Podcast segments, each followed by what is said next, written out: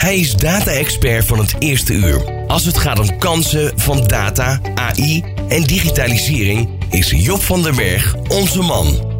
In Data Dinsdag neemt Job ondernemers mee in normale mensentaal. Na nog geen vijf minuten kun je verder met zijn praktische tips en tricks. Dit is Data Dinsdag.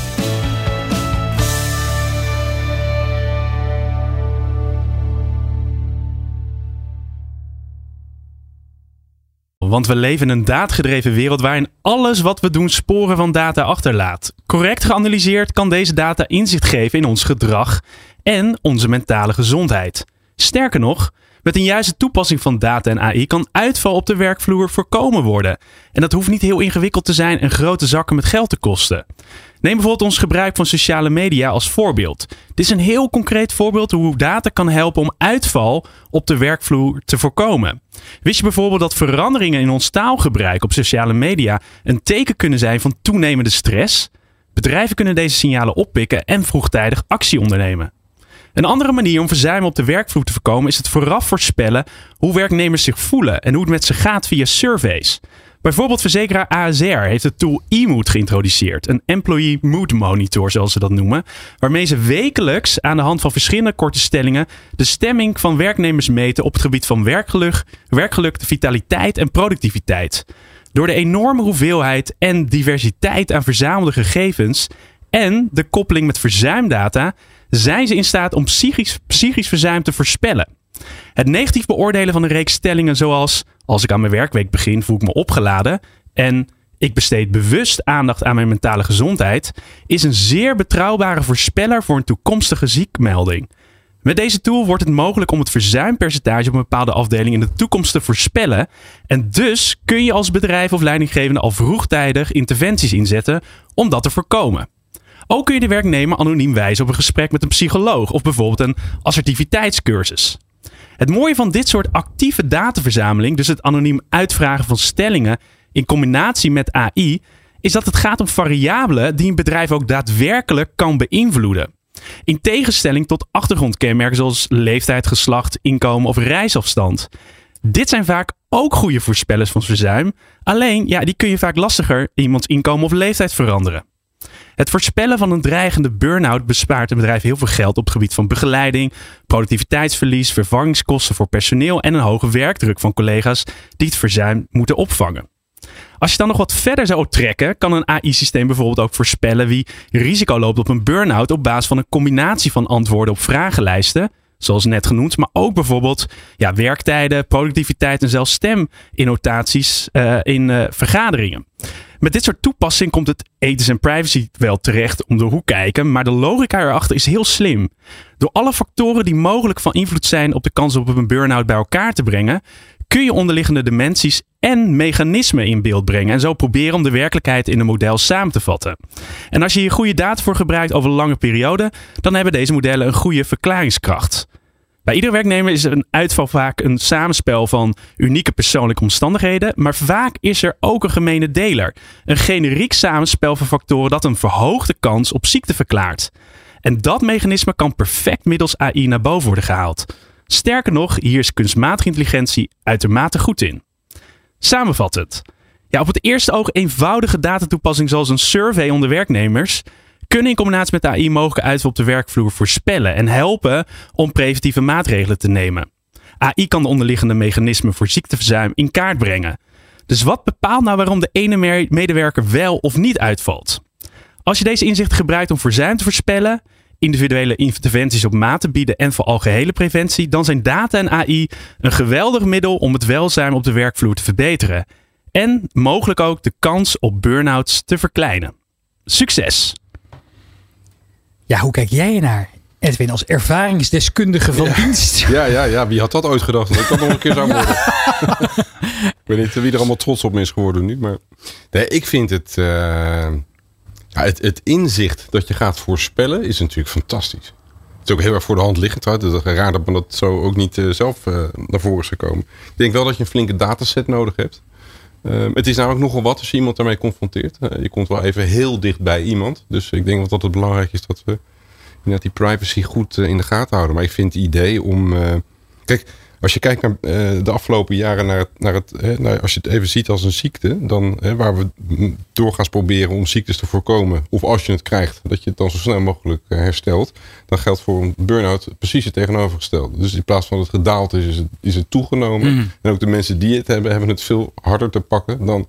Dus ik denk dat de beroepsgroep tot op heden niet heel erg trots op zichzelf hoeft te zijn dat ze lekker bezig zijn, toch? Eh, als, als we even de data mogen geloven. Dus ik denk dat als we kijken naar nieuwe manieren om te kijken hoe we dat dan wel kunnen aanpakken, ja, dat dit zeker de moeite waard is. Fantastisch, dankjewel daarvoor. Ja. Ja, ik weet toeval- toevallig dit voorbeeld van, van. Volgens mij zijn ze dit al drie jaar aan het doen en wekelijks niveau. En ook dat ze delen met bijvoorbeeld de manager en dat de manager ook daar een gesprek over heeft. En dat is misschien wel ook wel aansluiten wat je net zegt van... eh, dan hou je dat ethische privacy stuk een beetje af. Want dan wordt het meer een gesprekstoel dan een soort van... We houden je in de gaten of eh, we gaan voorspellen op. Maar meer een conversatiestuk, zeg maar. Ja. Dat is maar een beetje het idee ook wat, eh, wat, eh, wat uit dat voorbeeld, eh, wat daarmee bedoeld was. Zo, eh Ronald, ik zie jou een beetje angstig kijken bij al, dit, eh, al deze We houden je in de data-vraagstukken. gaten. Ja, Ja, ik ja. krijg zo'n vragenlijst. Nou, ik, ja, nee, ik kan me zo voorstellen, dat is dus niet geanonimiseerd, die data. Jij ziet, Dus een soort, jij ziet een soort van, hoe heet dat ook weer, 1984? eh, Ja, het is een je. soort van Big Brother, eh, die weet nu echt hoe het met je gaat. Nee, Ja. maar, maar de, de vraag is heel oprecht. Ehm, het is dus niet geanonimiseerd, want eh, eh, degene die de data krijgt, die weet wie wat heeft geantwoord. Nou, volgens mij is bij dit voorbeeld, en er zijn ook wel andere van dit soort voorbeelden, dat Ja? het op teamniveau is. Dus dat je het niet op individueel niveau ziet. Of volgens mij kun je het dan wel aangeven als, als werknemer. Want Mhm. ik kan me ook voorstellen soms als werknemer dat je het juist via zo'n vragenlijststoel, eh, dat dan wel weer een manier is om het juist te delen en kenbaar te maken. Zou zo kunnen hoor. Maar het is, voor mij is het, is vaak op teamniveau. Eh, dat een manager het op teamniveau kan zien wat er speelt. Mhm. eh, en niet op individueel niveau, Oké, tenzij maar- aangegeven. Maar net Ja. als wat jij net, eh, net een voorbeeld gaf over de, het woordgebruik op social media hè, van, van, van je medewerkers dan. Als je dus be- blijkbaar be- bepaalde woorden gebruikt, kan dat een indicator zijn dat je je minder goed voelt of dat je gestrest bent of dat je prikkelbaar bent? In hoeverre is dat dan? want Je zit wel heel dicht tegen het gaat niet goed met je. Hè? Nou, dat is niet op individueel niveau hoor. Dat is meer zeg maar om trends te kunnen zien in de markt. En dat een voordeel van sociale media is natuurlijk dat dat noem je. Dat, kijk, een survey is natuurlijk dat je echt uitvraagt aan iemand. Je vraagt aan iemand wat, hoe gaat het met je? Ja. Of- en een, het voordeel natuurlijk van sociale media data is natuurlijk dat dat al data is die al bestaan. Dus passief verzameld noem je dat. In Mhm. de zin van het, nou, de data zeg maar die al, dat is zeg maar de conversaties op sociale media. Eh, en daar kun je wel heel goed gebruiken omdat het al op het web staat. En natuurlijk wat je zegt op sociale media soms ook wel eh, de emotionele reacties zijn. Dus dat, wordt, dat is wel een mooi graadmeter om Juist. daar een verandering te zien. Maar dat is niet, in ieder geval zover ik weet, zijn er geen voorbeelden dat dat op individueel niveau wordt gedaan. Het is meer een soort van om de moed te peilen bij eh, het, het publiek, zij Ja. het werknemers of zij het Ah, heel Nederlands. Heel goed. Ja. Wat ik eh, vandaag trouwens nog een opmerkelijk nieuwsbericht eh, vond, ook even in het verlengde hiervan. Eh, psycholoog Ted, Thijs Launsbach heeft een, een, een boek uitgebracht over ons social media gebruik. Hij noemt het asociale media. Gemiddeld zit de Nederlander zo'n zeven uur op zijn telefoon, waarbij hij ook zegt, jongens, we moeten naar regulering van het gebruik van sociale media. En daar zit natuurlijk heel direct ook een verlengde voor werknemers. Hè? Mensen die hun eigen leven gaan spiegelen aan het leven dat ze zien bij anderen op hun so- social media. Edwin, hoe zie jij dat? Ja, ik ben er heel negatief over. En dit, en dit zegt iemand die daar zijn vak van heeft. Over Eh, social media gebruik ja, voor de duidelijkheid. Ja, zeker. zeker. Vertel. Ik denk dat, eh, nou ja, kijk, los van de goede dingen, dat je op de hoogte blijft en dat iemand een nieuwe baan heeft. Dat zijn natuurlijk allemaal wel hele, eh, of van het nieuws, en hele pragmatische dingen waar het goed voor heeft gewerkt. Maar ik Mhm. denk dat we inmiddels ook wel kunnen constateren dat daar een wereld wordt gecreëerd. Weet je, waar iedereen. Kijk, social media is er gekomen omdat het een platform is waar je je beter kunt voordoen dan je bent. Hè, en dat is niet leuk om te horen, maar dat is, en daarom is het ook zo snel gegaan. En daarom hebben we het massaal omarmd. En daarom Mhm. gaan we foto. Kijk, je plaatst een foto dat je in een leuk restaurant bent geweest. Weet je, eh, waarom zou je dat in godsnaam doen? Dat doe je om te laten zien aan anderen dat jij dat hebt, hebt ontdekt. En dat Ja. jij er als eerste was. En dat je ook genoeg geld verdient dat je dat allemaal kunt betalen. Eh, Dat zeg je niet. Maar dat, impliciet zeg je dat wel. Ja, anders hoef je niet te plaatsen. Ja, en als je dat dan eh, extrapoleert naar dat, dat, dat je inmiddels duizenden vrienden hebt, dat je over de hele wereld dat kijkt. Dus, dus, dus, dus jouw beeld van de wereld om jou heen, waar je je onbewust aan het eh, spiegelen bent, die bestaat helemaal niet. Weet je? En, eh, en, en ik vind het lastig aan, aan spiegelen, is dat je inderdaad altijd, en dan zoek je de dingen die je niet kunt, of die je niet hebt. Of die je ook had willen. Weet je, het, het- het is altijd een beetje in het negatieve. Mhm. En daardoor heb, heb ik het vermoeden dat, dat we allemaal een heel veel negatiever zelfbeeld aan het ontwikkelen zijn. Weet je, terwijl ik het veel jammer vind. Dat, want de waarheid is namelijk dat ook hier bij elkaar zitten. Is, is op DNA-niveau zijn wij uniek. Ja? Dat is geweldig. Weet je? En dus wat wij toevoegen, wat jullie toevoegen aan jullie organisatie of ik hem, dat is iets unieks. Ja? Maar we doen alles hè, met man en macht. Om zeg maar, daar waar we niet goed in zijn, om dat te verbeteren. Ja? Met als risico dat je straks heel goed bent geworden in je zwakheden. Ja? En het idee is natuurlijk veel beter om te zeggen van, weet je, ja, ik ben wie ik ben en ik kan misschien niet alles, maar ik heb heel veel toe te voegen. Dus ik vind het veel belangrijker dat je dat moet vieren in plaats van dat je constant met mannen nog bezig bent om alles af te vlakken en dat we allemaal op elkaar gaan lijken.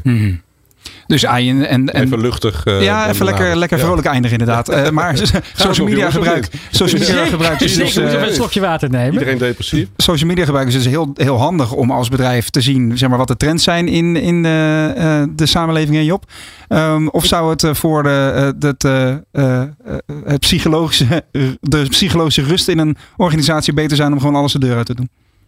Nou, ehm, het het ligt een beetje aan precies wat je zegt. Hoe je sociale media gebruikt. Is het vanuit bedrijfsdoeleinden of is het anderszins?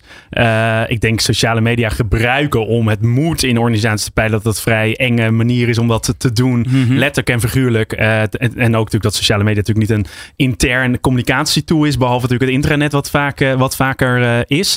Meer algemeen gesproken en vanuit dataperspectief is zeg maar textuele data. Ook bijvoorbeeld bij een klantenservice of conversaties op sociale media. Eh, dat is gewoon een, een- daar, daar zijn we heel goed in. Ook door, door ChatGPT, door taalmodellen. Om daar hele waardevolle informatie uit te halen. Dus laat ik even spreken vanuit datasperspectief. En wat voor inzichten je uit kan halen. Is sociale media een heel interessante bron. Maar ik zou het zeker niet gebruiken Misschien om... wel eh, een leuke, leuke tip voor de kijker of luisteraar nog eventjes over het, eh, om het datastukje ook af te sluiten. Is, eh, moet je, eh, gooi eens gewoon eh, heel veel content wat, wat je ooit hebt geschreven, of recentelijk eigenlijk, in ChatGPT. En vraag eens of die daaruit jouw persoonlijkheid kan destilleren. Oh jee. Hele Ja. leuke exercitie. Heb je dat zelf gedaan? Om een keertje te doen. Daar gaan we het later over hebben. Volgende week gaat een hele uitzending over data en AI. Dus eh, eh, bereid je daar maar vast op voor. Dit was Data Dinsdag met Job van den Berg van Bluefield Agency. Zijn radiocolumn kun je wekelijks ook live beluisteren. Op de dinsdag bij De Ondernemer Live op Nieuw Business Radio. Ben je nieuwsgierig naar ondernemersnieuws, maar dan op zijn Nico's?